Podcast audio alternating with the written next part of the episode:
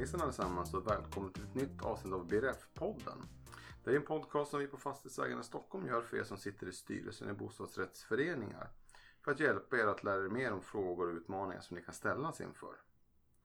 Jag heter Johan Flodin och är ansvarig för bostadsrättsföreningsfrågor här på Fastighetsägarna Stockholm. Jag tänkte också innan vi börjar dagens avsnitt flagga för att vi har hittills gjort den här podcasten med ett nytt avsnitt varannan vecka. Men framöver så kommer det förbli så att vi kommer göra avsnitt var tredje vecka.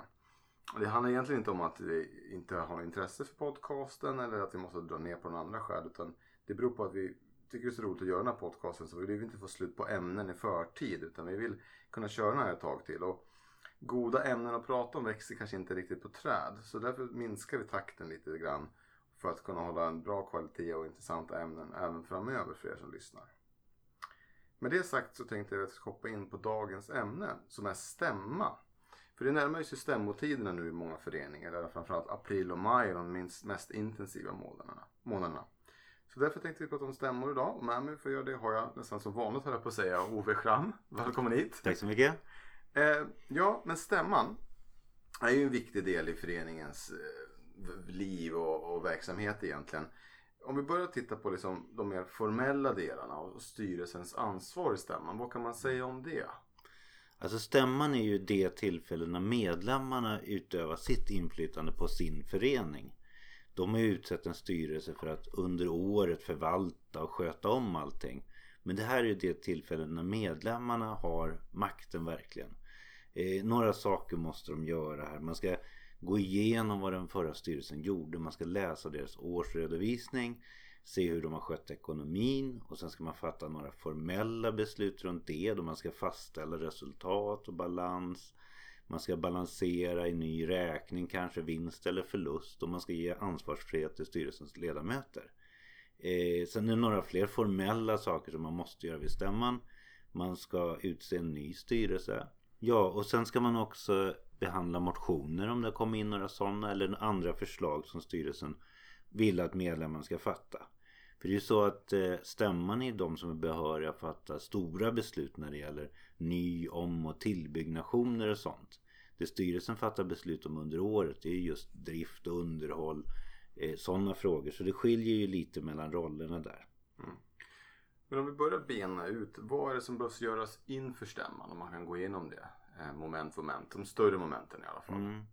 Ja, framförallt behöver man planera väldigt lång tid i förväg. Om man ska få ordning på stämman så är planeringen A och O.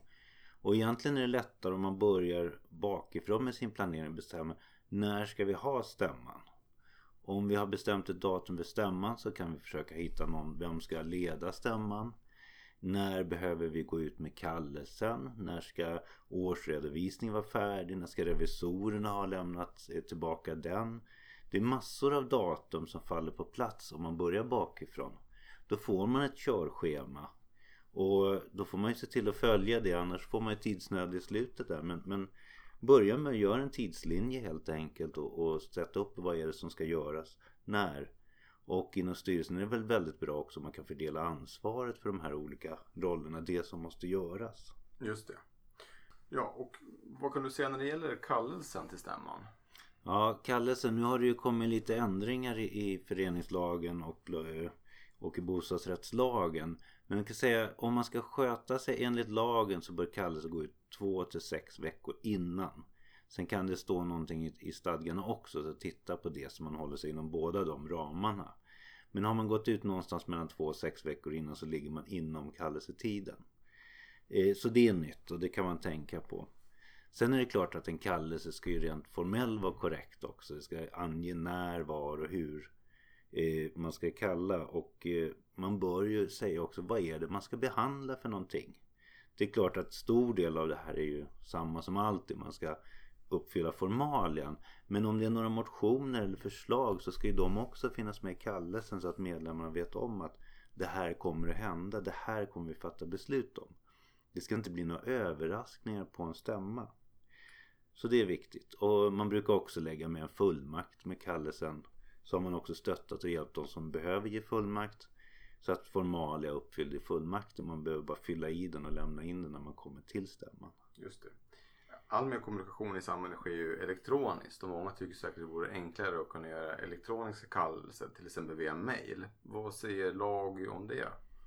Ja, alltså det är fullt tillåtet att göra bara via mail men då ställer det massor av krav på att man ska verifiera mottagaren och jag tror att det är svårt för bostadsrättsföreningarna att ha den kompetensen och den möjligheten att göra det. Så att mitt förslag är egentligen att fortsätt som ni har gjort tidigare och lämna ut i brevlådorna eller hur ni nu gör. Men ha det som ett komplement utan att föra in det i stadgarna att de som vill ha hem materialet de får det gärna per e-post.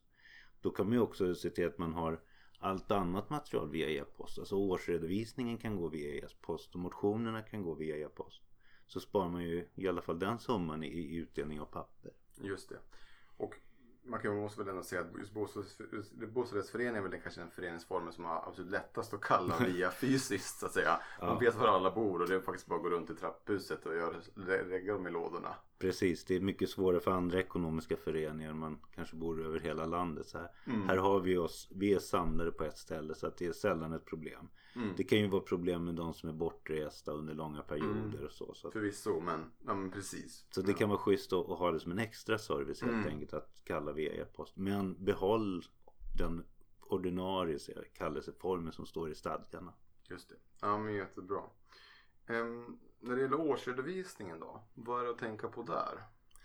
Årsredovisningen kommer man ju få mycket hjälp med säkert av sin förvaltare.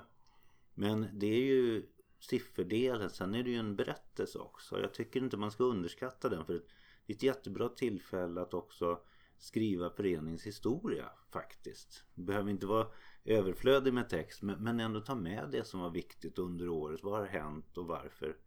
Det är också så att årsredovisningen är viktigt för den som köper en, en lägenhet i bostadsrättsföreningen. Hur ska man annars veta vad är problemen i den här föreningen? Vad är bra? Vad är dåligt? Om det inte finns en berättelse. Mm. Så jag tycker man ska inte underskatta den skriftliga berättelsen. Den är viktig och den ger mycket information. Mm. Ja men jättebra. En annan viktig del är ju rösträtt och röstlängd som måste förberedas inför stämman. Vad finns det att säga om det? Jag tycker att det är viktigt att man tar ut en, en förteckning på medlemmar som är aktuella. Ta ut den ganska strax innan stämman och ta med den. Så har man den att pricka av emot. För det bör ju faktiskt vara så att det är de på den listan som är medlemmar. Det omsätts ju en del bostadsrätter och sånt så ibland kan det bli lite oklarheter. Eh, men den bör ju vara aktuell. Och eh, man kan ju fundera också på om någon har en skuld till föreningen. Alltså inte har betalt sin årsavgift. Då brukar det vara så att man inte har rösträtt. Man har närvarorätt men inte rösträtt på stämman. Så då får man tydliggöra det. Så jag tycker då prickar man av efter listan. Och sen tycker jag det är väldigt bra att man lämnar ut ett röstkort. Alltså ett, ett papper i en färg. Ett kort för varje röst. Och det kan ju vara fullmakter också men man lämnar ut en till varje som har rösträtt. För att när man ska votera sen eller rösta en fråga så är det mycket lättare att se än att höra. Alltså man frågar vilka röstar ja till det här förslaget så får de räcka upp röstkorten. Vilka röstar nej till förslaget och så får de räcka upp sina röstkort. Då kan man se ganska väl hur det slår. För ropar man ja och nej på förslagen så är det svårt att höra. En del ropar högt, andra ropar inte högt och, och, och sådär. Så att Eh, det är min erfarenhet i alla fall. Lämna ut röstkort även om man inte är jättemånga. Det blir mm. mycket lättare att hantera omröstningar på det sättet. Mm. Och ett röstkort behöver inte vara någonting avancerat heller. Nej, färgat papper ja. någon färg, vad som helst. Ja. Post-it-lapp går bra eller så. Ja men precis. Ja. ja. Du var inne på lite tidigare här, ombud och eh, fullmakt. Innan vi berättar liksom vilken roll det spelar på stämman, kan du bara lite kort berätta vad det är för någonting? Vilken funktion det fyller? Ja, ombudet är ju om man inte själv kan gå på sin stämma så har man ändå möjlighet att skicka någon annan. Det här ska regleras i stadgarna vem som får vara ombud för det är en begränsad skara. Eh, det vanligaste är väl att man kan skicka någon annan medlem. Man kan eh, skicka eh, någon som varaktigt sammanbor med en. Står det ibland i stadgarna, ibland är det inskränkt till bara make, maka eller sambo. Så det ser lite olika ut men det brukar vara den kretsen ungefär som är möjlig att ha som ombud. Och ombudet har ju då rätt att rösta för din räkning.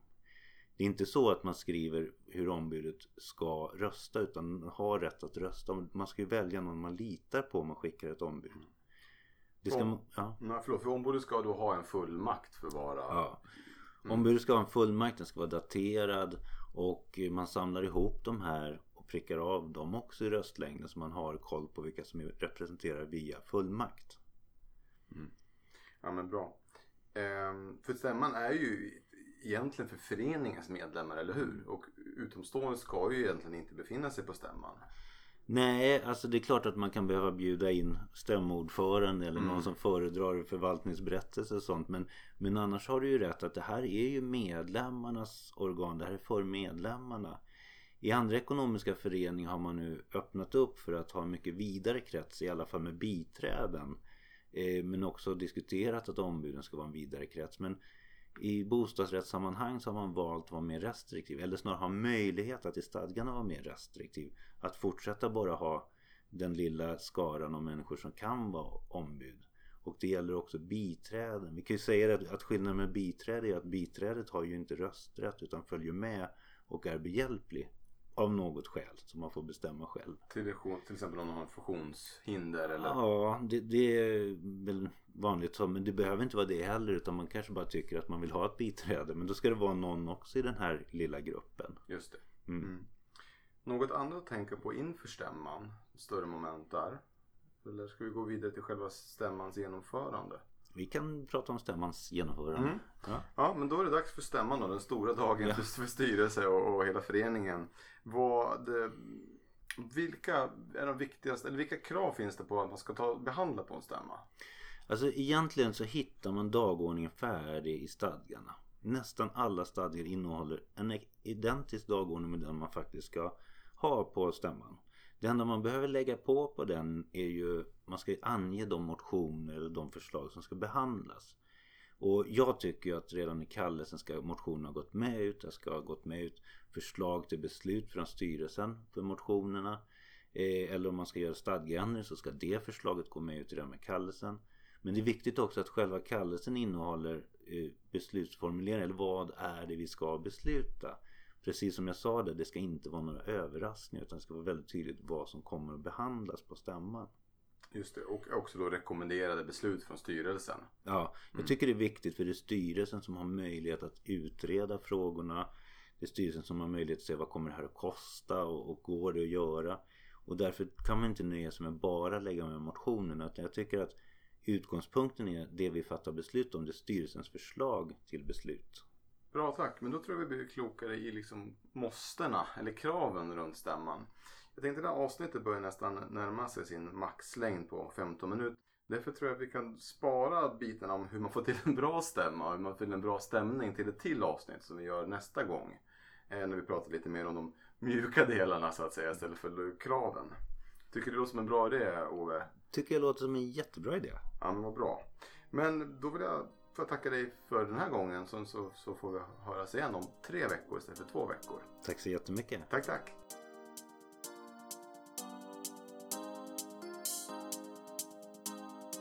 Du har precis hört en avsnitt av BRF-podden. Jag hoppas du tyckte det var intressant och lärorikt precis som våra tidigare avsnitt. Du hittar fler avsnitt av den här podcasten på soundcloud.com, iTunes podcaster och även på vår hemsida fastighetsagarna.se Stockholm. Men det vill jag tacka för oss och hoppas att du vill lyssna på oss igen framöver.